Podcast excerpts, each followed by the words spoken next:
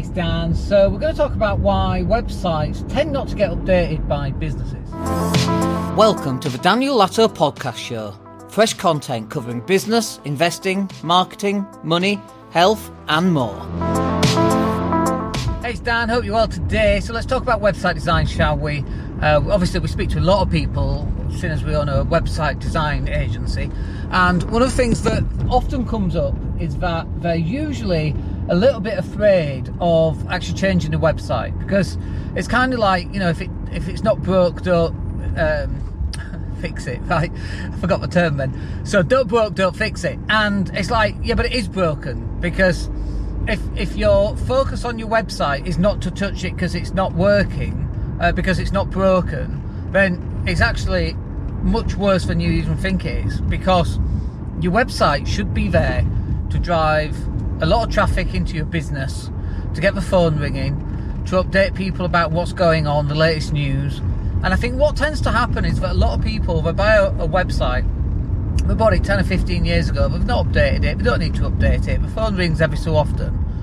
And actually, if it just had a, a, a like a, a fresh repaint, if you like, and if it was made into something that actually answered a lot of questions uh, by you know that your customers would ask, then actually uh, you you actually end up with a lot more phone calls because people can see that it's actually a live website. And one of the worst things, anyway, is you go on someone's website. It looks like a website from 1998 uh, when a Matrix was hot, uh, whenever that was out, 99, and it's like, no, we've moved on since then really. So your website is really letting you down. You know, if you think about first impressions, um, you never get a second chance and all that kind of thing. The very first time that someone sees your business is your website, and it's like, well, that's not really going to help you close any more business, is it? If anything, it's probably going to reinforce the fact that people might think you're out of business, not not the opposite way around.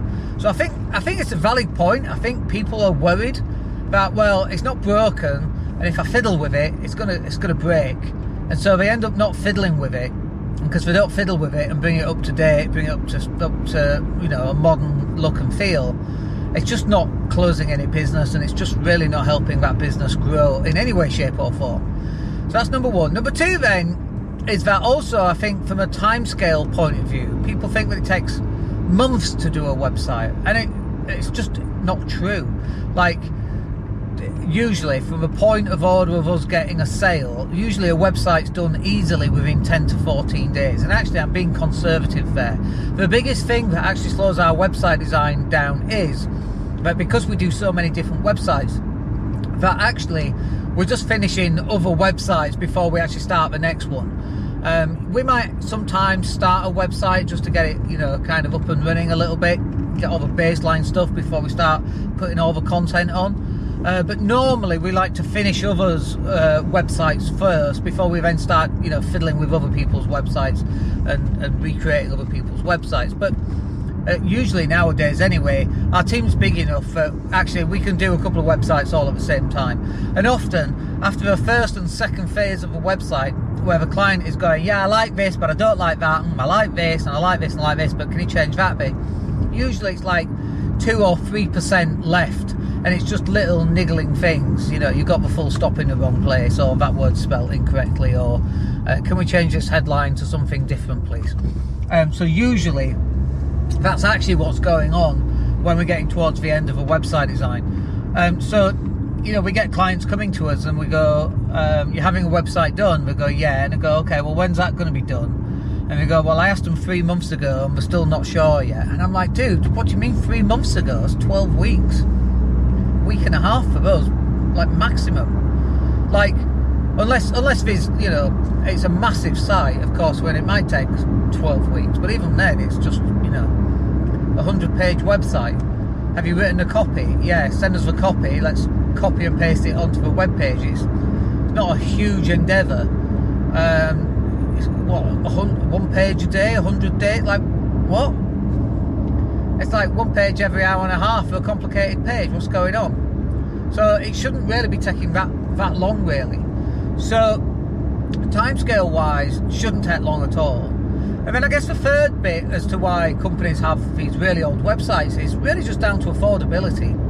And they're worried that, you know, if they don't update their website, um, or if they do update their website, you know, they won't make enough money from new business to pay for it. But then it's like, well, look, you've had this website for 20 years, 15 years, 10 years, it's well out of date. How much business do you actually think you've lost? Because your website looks like you went bust, you know, 10 years ago. So it just doesn't work. You've really got to get your website up and running, make it modern, have a regular blog, have content that's going out on your uh, social media platforms, which drives traffic back to your website, and actually start to create some churn in the marketplace.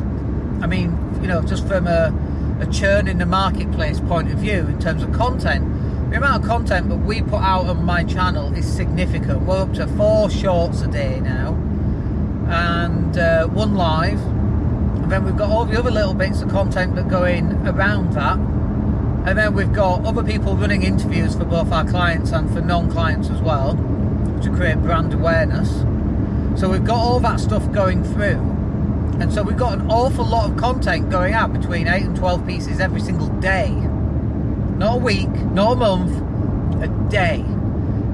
And then we look at other people and they have like one piece of content a week going out. It's like it's not enough. It's just not enough. So it's not just about having your website, which obviously is important, but it's also about making sure that you're seen and your website is seen and you're driving traffic back to your website as you move forward, as you start to gain um, notoriety is the word that springs up, Well, that's not the word I want. If you've got notoriety, that's a different kind of marketing, right? Uh, but being well known in your industry or in, in, your marketplace, or just being well known, like everyone's heard of Coca Cola or uh, Decathlon as a random one that's just entered the UK market, or Currys or Comet or Dixon's or PC, well, everyone's heard of those because they're all over the place and the content's out. And their content, by the way, is paid advertising. You don't have to run paid adverts if you've got your organic content going out. So anyway, I just wanted to share that on uh, website design and just some thoughts around why people are not moving forward with a new website. It doesn't kind of make sense to me. But anyway, I hope you find that useful. We'll catch up with you on the next one. Take care.